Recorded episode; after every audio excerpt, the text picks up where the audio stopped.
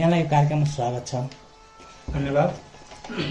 जुन अहिले पछिल्लो चरणमा हुम्लामा चिनको सीमा मिचिएकोले विवादको तु- तीव्र रूप लिएको छ।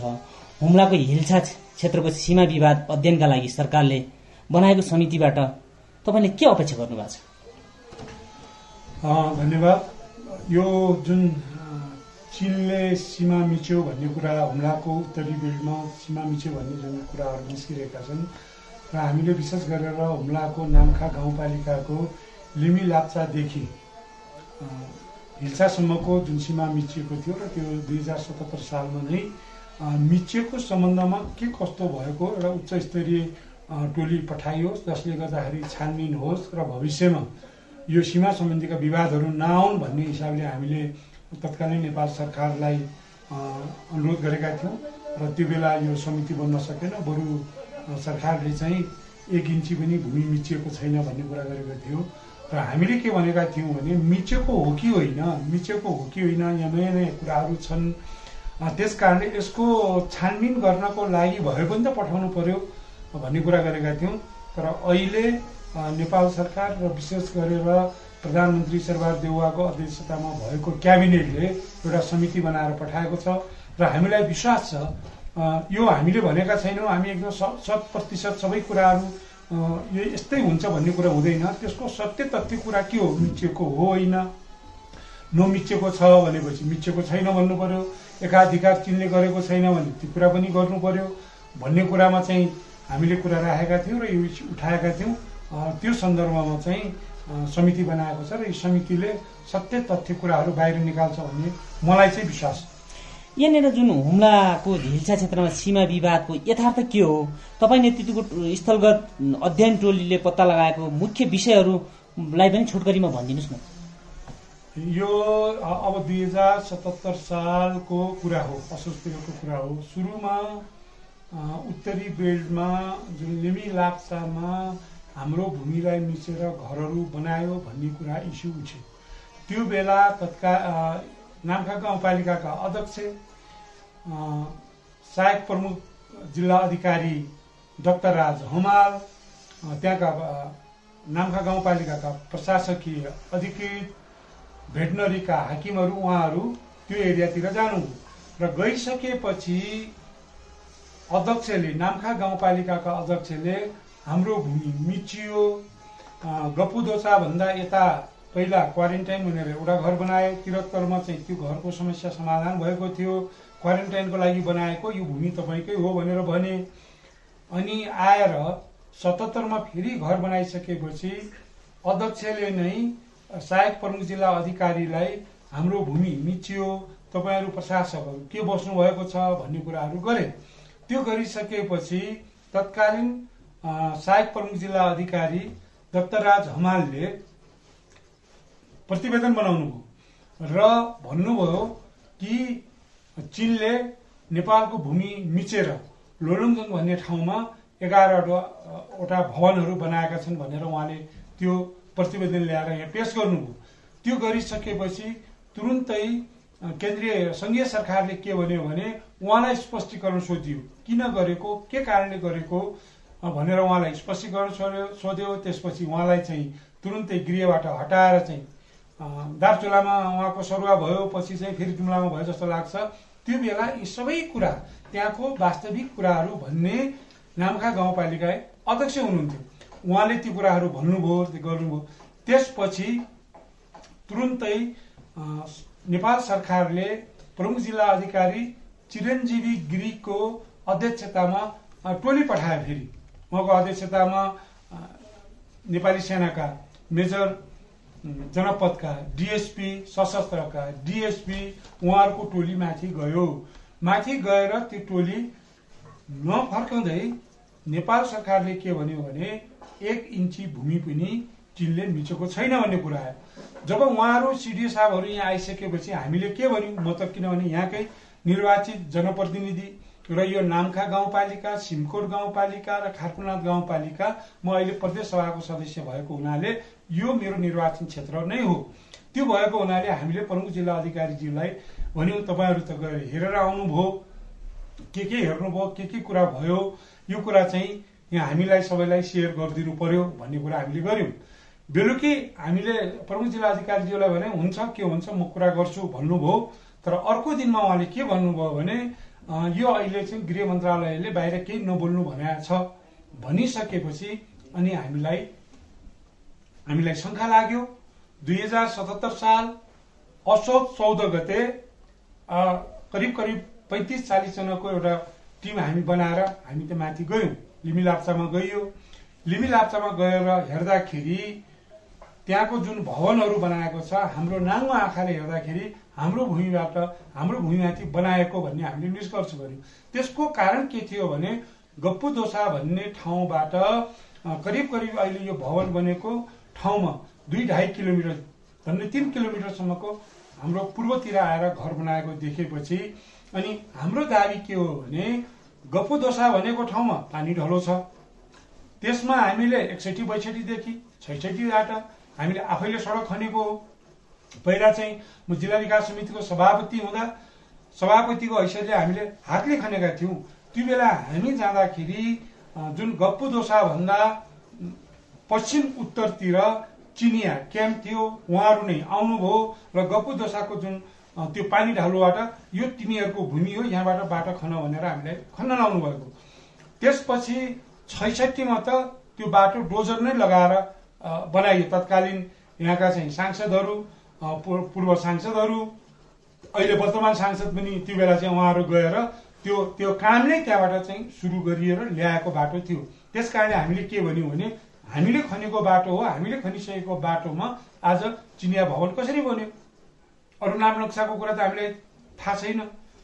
हामीलाई उहाँहरूले देखाएको भन्ने कुरा हामीले त्यतिखेर गऱ्यौँ र त्यसपछि बाह्र नम्बर पिलर के छ त भनेर हामी त्यो जुन बाटो बनाएका छौँ र जहाँ लोलुङजुङमा उहाँहरूको भवन छ त्योभन्दा उत्तर पश्चिम माथि नै गइसकेपछि करिब पाँच हजार अठार मिटर माथि बाह्र नम्बर पिलर चाहिँ अवस्थित छ र हामी त्यो पिलर हेर्न गयौँ। त्यो पिलर हेर्न जाँदाखेरि पिलर चाहिँ फुटालेर नयाँ बनाइएको थियो अनि हामीलाई अचम्म लाग्यो। यो पिलर कसरी नयाँ बन्यो? यो त उन्नाइस सय बैसठीमा दुई हजार अठारमा चाहिँ निर्माण भएको पिलर हो। अब पिलर यहाँहरूलाई थाहा छ हिउँ परेपछि एक वर्ष दिन दुई वर्ष दिनमै नै त्यो एकदम खुइलिएर जान्छ। यत्रो बिसौँ पच्चिसौँ वर्षसम्म चाहिँ को पिलर नयाँ रूपले देखियो पुरानो फुटालेर राखेका टुक्राहरू पनि देखियो। अनि हाम्रो नेपाल सरकारको तर्फबाट कोही पनि गएर चाहिँ त्यसमा सहभागिता भएको छैन। त्यो पिलर भनेको बाह्र नम्बर पिलर भनेको साझा पिलर हो। दुई देशको एकातिर चिनको एकातिर नेपालको। तर एकतर्फी ढङ्गले भने अनि हामीलाई के लाग्यो भने नयाँ पिलर अन्तर्राष्ट्रिय बोर्डर प्रोटोकल अनुसार पनि एकपक्षीय ढङ्गले नयाँ पिलरको निर्माण गर्न मिल्दैन। नयाँ पिलर निर्माण गरेको देखियो र हामीले खनेको बाटो पनि भन्दा यतैपट्टि उहाँहरूले गरेपछि अनि हामीले के भन्यौँ? अब नेपाल सरकारले एउटा उच्च स्तरीय समिति पठाओस् त्यसले चिनसँग पनि कोअर्डिनेट गरोस् र वास्तविकता के होस् हेरोस्। हाम्रो नाङ्गा आँखाले हेर्दाखेरि यो एउटा गलत के भयो? पिलर एकतर्फी ढङ्गले बनायो। अर्को के भयो भने हामीले खनेको बाटो पनि उहाँहरू लानुभयो। नाम नक्सामा के छ? त्यो हामीले बुझेका छैनौँ।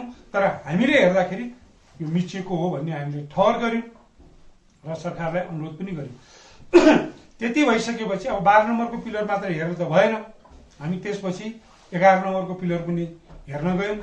त्यो चाहिँ हिल्सा एरियातिर पर्छ वारिपट्टि सेर गाउँभन्दा अलिक माथि पर्छ। त्यो जुन टाकुल्ले भन्ने ठाउँ छ त्यसमा चाहिँ यो बाहन्न सय मिटर माथि चाहिँ यो पिलर एघार नम्बरको छ र केही समय अगाडि चाहिँ हाम्रो प्रमुख जिल्ला अधिकारीज्यूहरू गएको टोलीले चाहिँ के भनेको थियो भने हराएको पिलर भेटियो। हामीले एकदम जिपिएसबाट पत्ता लगायौँ भन्ने उहाँहरूको भनाइ थियो। पछि मैले के भने पिलर त कहिले हराएको थियो? टाकुले माथिको पिलर भनेको? हामीले उहिलेदेखि सुनेका हौँ। टाकुले माथिको पिलरमा जान गाह्रो छ नगएर पो हो त कसरी हराउँछ भन्ने कुराले त्यसो हो भने त हामी आफै गएर हेर्छौँ नि त हामीलाई जुन याद छ भनेर। पछि म आफै गएर एघार नम्बर पिलर पनि हेऱ्यौँ त्यो एकदम टाकुलेको बाहन्न सय मिटर माथि छ एकदम भिरालो छ। उता चिनतिर पनि भिरालो छ हामीतिर पनि भिरालो छ त्यो हेऱ्यौँ।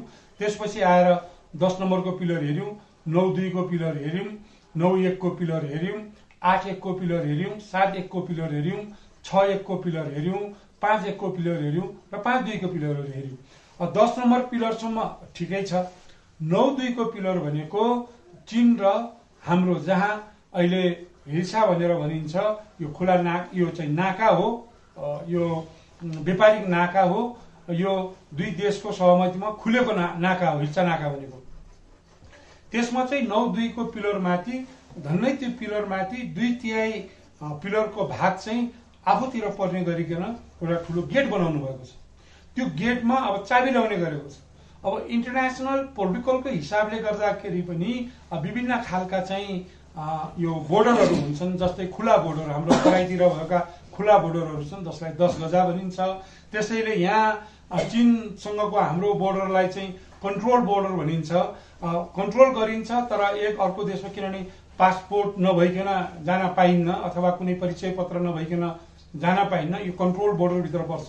त्यस्तै अर्को खालको चाहिँ रेस्ट्रिक्टेड एरिया अथवा प्रतिबन्धित के अरे बोर्डरहरू पनि हुन्छन्। उदाहरणको लागि दक्षिण कोरिया र उत्तर कोरिया होइन? त्यो एकले अर्कालाई उताबाट जान पाइन्न होइन? त्यसलाई कन्ट्रोल बोर्डर भनिन्छ।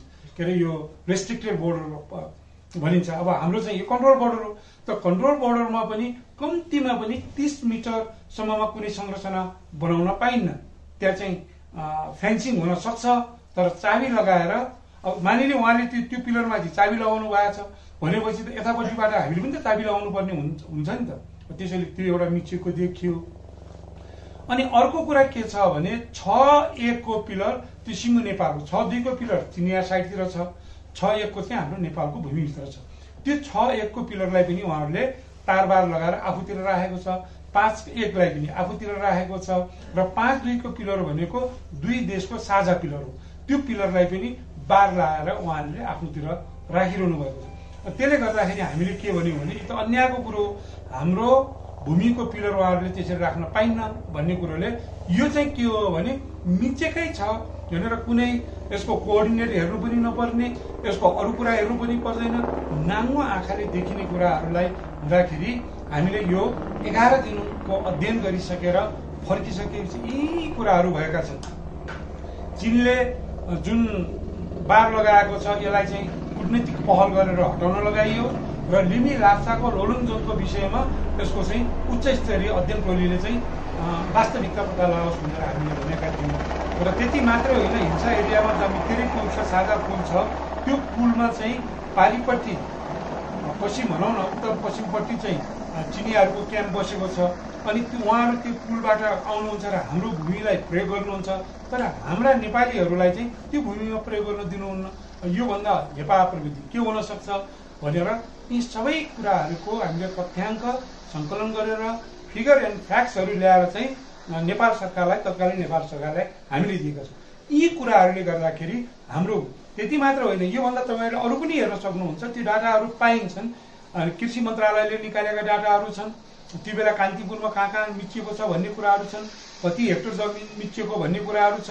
त्यो कुराहरू त ती डाटाहरू त छँदैछन् यद्यपि त्यति हुँदा हुँदै पनि हामीले देखेर ल्याएका यी कुराहरूको प्रमाणमा भविष्यमा दुई देशको बिचको चाहिँ सम्बन्धलाई प्रगाड गर्नको लागि पनि समयमै समिति पठाइनुपर्छ भनेर हामीले यो गरेका थियौँ। तर अब यो अनेक अर्का अर्थ लगाउनुतिर लाए वास्तविकता कुराहरू नै ती नै हुन्।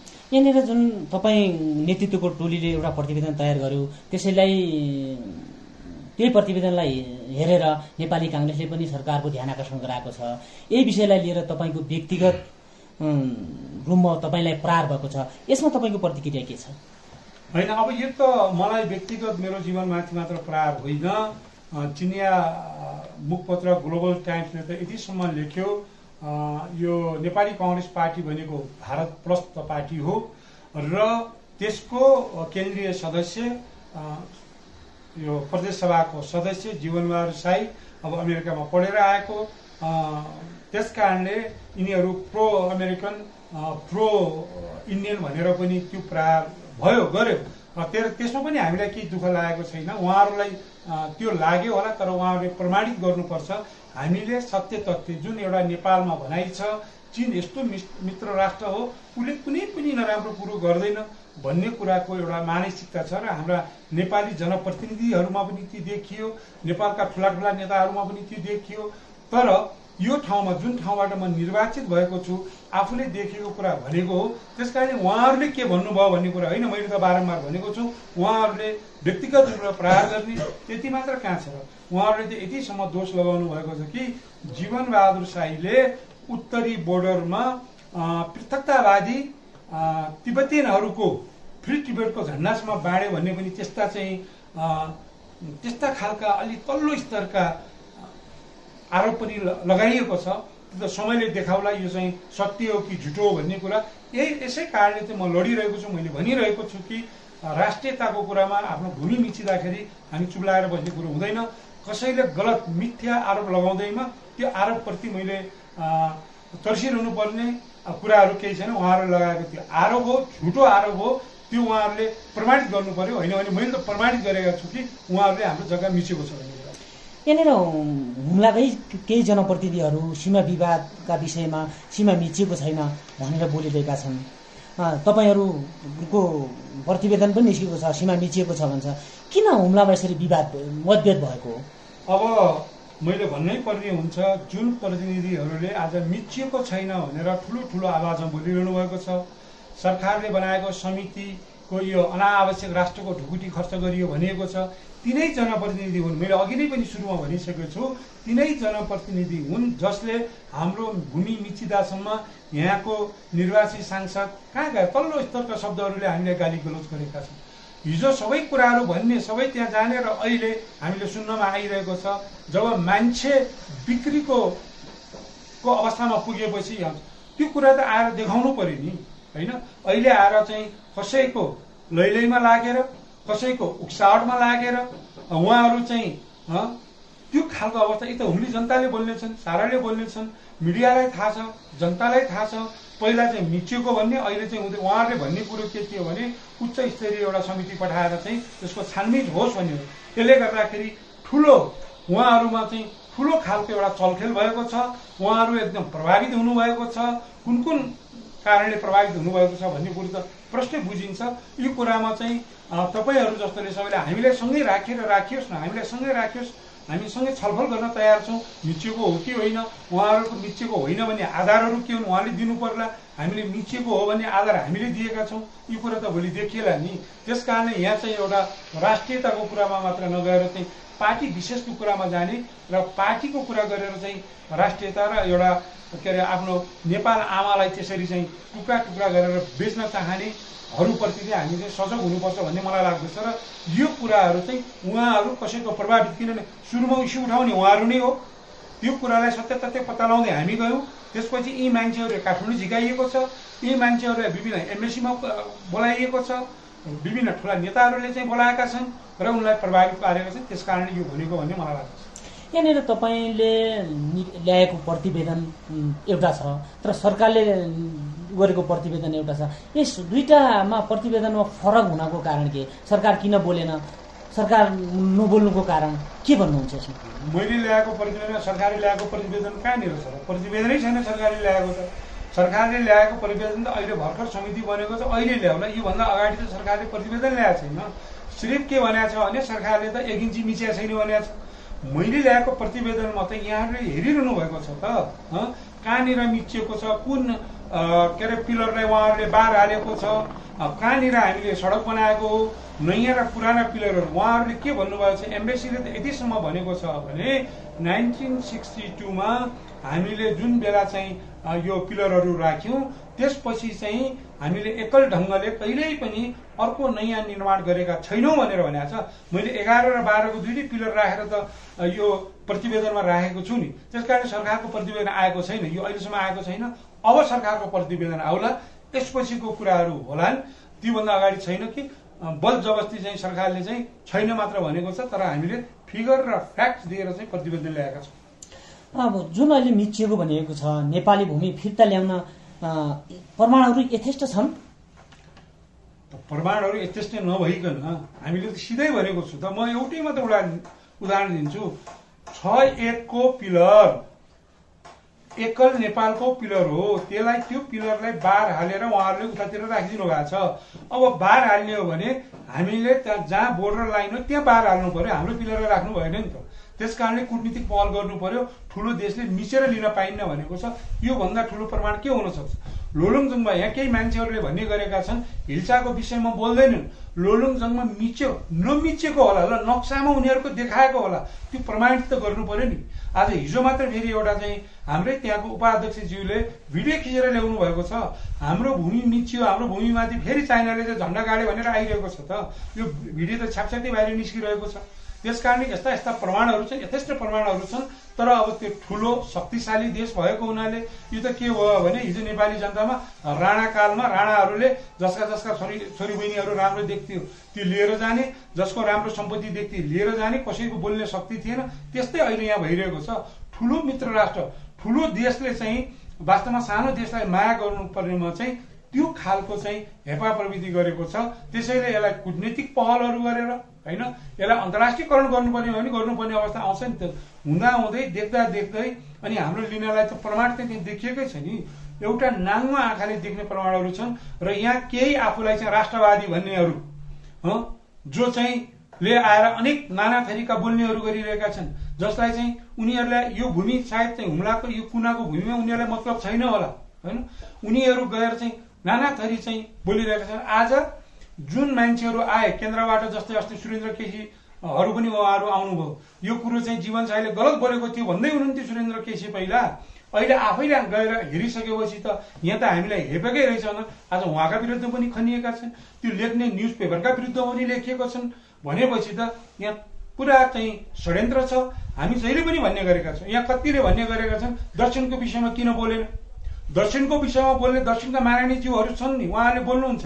यो आफ्नो क्षेत्रमा जुन परेको पीडाको लागि हामीले बोल्ने हो राष्ट्रिय स्तरमा त हामीले न उत्तर न दक्षिण कुनै पनि छिमेकीले हामीलाई हेपा प्रविधिमा चाहिँ हाम्रो एक इन्ची भूमि मिच्न पाइन्न भनेर सदनमा बोलेका कुराहरू त सबैले सुन्नु पर्यो नि। त्यस कारणले यसरी विभाजित मानसिकतामा गएर राष्ट्रियताको कुरामा चाहिँ कसैको पक्ष लिने भनेको चाहिँ मैले होला या अरू कसैले होला त्यो नचाहिने कुरा गऱ्यो भने मुलुकका गद्दार हुन् भन्ने चाहिँ म भन्न चाहन्छु। यहाँनिर जुन तपाईँ गत वर्ष जानुभयो गत वर्ष र अहिलेको अवस्थामा केही परिवर्तन भएको छ? के छ? गत वर्ष र अहिलेको अवस्थामा केही पनि परिवर्तन भएको छैन। केही परिवर्तन भएको छ भने किटमा किटमा जुन खोला उतापट्टि थियो हाम्रोतिरको खोला उहाँहरूले फेरि त्यो खोला यता हाम्रो भूमिलाई मिचिने गरेर त्यहाँ बाटो बनाएर पानी झारेको छ। अस्ति भर्खरै मात्र त्यो पानी झारे अब यहाँ चाहिँ प्रशासन बोल्न सक्दैन त्यहाँको सेक्युरिटी बोल्न सक्दैन क्यामेरामा उहाँहरू बोल्न सक्नुहुन्न। बाहिर जाँदाखेरि अस्ति पानी फेरि हाम्रो भूमिमा ल्याएर यहाँबाट चाहिँ त्यो पिलर चाहिँ यस्तो गर्यो भनेर प्रमुख जिल्ला अधिकारीले आदेश दिनुभएको तर उहाँ आज सायद सरकारले सोध्यो भने उहाँ बोल्न सक्नुहुन्न होला। त्यहाँ दिइसकेपछि अस्ति फेरि त्यो भत्काएर अनि पानी फेरि आफ्नैतिर उतैतिर चाहिँ लगेर नेपालतिरको भूमिमा नलगेर जुन खोलामा बगिरहेको छ त्यतैतिर फालेको छन्। भत्काएर भर्खरै बनाएको छ त। यो अस्ति यो उच्च स्तरीय समिति जाँदाखेरि तिमीले दिएको छ हालेर माटो हालेको त्यस्तो गर्यो। भने अहिले मैले भर्खरै भन्छु यो चाहिँ हिजो मात्रै त्यही गाउँपालिकाको उपाध्यक्षले लिमी लाप्चामा जहाँ हामीले कैलाश मान्छेहरूको दर्शन गर्ने ठाउँ छ त्योभन्दा केही पश्चिमतिर हाम्रै भूभागमा फेरि चिनियाहरूले झन्डा गाडेको कुरा छ यी परिवर्तन भएको फेरि मिल्दै आइरहेका छन् नि। यो कुरो चाहिँ अहिलेको परिवर्तन भनेको त्यही हो। पहिलाको भन्दा दुईवटा कुरा भयो। एउटा फेरि आएर हाम्रो ठाउँमा झन्डा गाडे। दोस्रो भनेको हिल्सामा हाम्रो पानीलाई त्यो जुन किट खोलाको पानी छ त्यसलाई हाम्रोतिर ल्याएर नहर बनाउन खोजे। त्यो चाहिँ हाम्रो प्रहरी र प्रशासनले विरोध गरिसकेपछि अस्ति भर्खर मात्र भत्काएका छन् फेरि। यो खालको चाहिँ अवस्था चाहिँ आइरहेको छ अहिले। झन् झन् प्रत्येक दिन चाहिँ प्रत्येक वर्ष चाहिँ हामीतिर त्यो भूमि मिच्ने प्रयासहरू चाहिँ चिनले गरिरहेको छ। यहाँनिर चिनसँग सीमा मिचिन नदिन र यसलाई व्यवस्थित बनाउन सरकारले के के काम गर्नुपर्छ अब अन्तिममा? यो त सिम्पल कुराहरू छ नि। जहाँ जहाँ चिनियाहरूको क्याम्पहरू बसेका छन् त्यसको छेउमा जहाँ चिनिया क्याम्पहरू छन् त्यहाँ पनि हाम्रो बिओपीहरू स्थापना गर्नु पर्यो। त्यहाँ पनि हाम्रा क्याम्पहरू राख्नु पर्यो। होइन? एउटा छुडा तरिकाले चाहिँ हुँदैन। अहिले हिल्सामा पोहोर सालदेखि एक वर्ष भयो त्यहाँ चाहिँ हिउँदवर्कै हाम्रो सेक्युरिटी बस्न लागेका छन्। त्यसपछि जहाँ हाम्रा सिमानाका भएका जनताहरू छन् ती जनताहरूलाई नेपाल सरकारले प्रत्याभूति दिनु पर्यो। अहिले बोर्डरका जनताहरू पनि के डराइरहेका छन् भने छ महिनासम्म उनीहरू नेपालको सम्पर्कभन्दा बाहिर छन्। अनि ताक्लाकोट भनेको हाम्रो त्यहाँको नजिकको बजार हो। त्यसपछि यदि चिनियाका विरुद्धमा केही बोल्यो भने ताक्लाकोट जान पाइन्न त्यहाँबाट आउने मैदा ल्याउन पाइन्न त्यहाँबाट आउने अरू खाद्यान्न ल्याउन पाइन्न भन्ने कुराहरू भइरहेको छ। होइन? अरू कमोडिटीहरू पनि ल्याउन पाइन्न भनेर त्यहाँका जनताहरूलाई त्यसरी त्रसित गरिएको छ। राज्यको दायित्व त्यहाँका जनताहरूको सुरक्षाको लागि त्यहाँका जन जनताहरूको खानपिनको लागि त्यहाँका जनताहरूको शिक्षा स्वास्थ्यको लागि राज्यले लाग्नुपर्छ। अनि मात्रै नेपाली जनतामा चाहिँ आफ्नो भूमिप्रतिको आफ्नो प्रतिको माया र महत्त्व बढ्छ। र सेक्युरिटी जहाँ जहाँ उहाँहरूको चाहिँ त्यो बोर्डर एरियामा चाहिँ क्याम्प राखेका छन् त्यसको छेउमा हाम्रो भूमिमा पनि हामीले बिओपीहरू राख्नुपर्छ। अनि मात्रै हाम्रो बोर्डर सुरक्षित हुन्छ। अन्यथा उनीहरूको चाहिँ बाह्रैमा सुरक्षा बस्ने। हाम्रो चाहिँ एक सिजन बस्ने लिम्बीमा बस्छ लिम्बीमा बस्यो सुनखानीमा बस्ने हो माथि बोर्डरमा बस्दैन सुनखानीमा त्यो चौकी राख्नु नराख्नु कुनै अर्थै छैन। तर राख्नुपर्ने हो भने त्यही लाप्चामै राख्नु पर्थ्यो। त्यो राख्नलाई व्यवस्थित हुनु पर्यो राम्रो भवन बनाउनु पर्यो हो? त्यो गराउनु पर्छ साँच्चै त्यसको रेखदेख गर्ने हो भने नत्र त अरू त के उपाय छ र अरू उपाय छैन। राज्यले गर्नुपर्ने सीमा बोर्डरमा दक्षिणमा पनि त्यही हो उत्तरमा पनि त्यही हो। जहाँ दक्षिणको कुरा गर्ने हो भने पनि जहाँ जहाँ उनीहरूका क्याम्पहरू छन् त्यसको ठ्याक्क अपोजिटमा हाम्रो पनि क्याम्पहरू राख्नुपर्छ। उत्तरमा पनि त्यही हो। त्यो नगर्दासम्म भूमि सुरक्षित होला भन्ने लाग्दैन र अहिले किन यिनीहरूले यति भूमिमा चाहिँ लोभ गर्यो भन्ने हुनसक्छ? अहिले हाम्रो ला लाप्चाबाट देखिने जुन मानसरोवर कैलाशको जुन दर्शन गर्न हाम्रै भूमिबाट पाइन्छ उनीहरूको भूमिमा जानुपर्ने अवस्था रहँदैन। त्यसले गर्दाखेरि उनीहरूको व्यापार घट्ने नेपालको व्यापार बढ्ने किनभने अहिले त वर्ल्ड वाइड देखाइसक्यो नि। चिन भनेको सर्वशक्तिमान किन भयो भने धन बढ्दै गयो होइन? आर्थिक अवस्थामा चाहिँ विश्वमा पहिलो अमेरिका छ भने दोस्रो चिन भइसकेको छ। त्यस कारणले पनि यो सामरिक महत्त्वको भएकोले यसलाई मिच्न खोजिएको छ। त्यसलाई मिच्न दिनुहुन्न।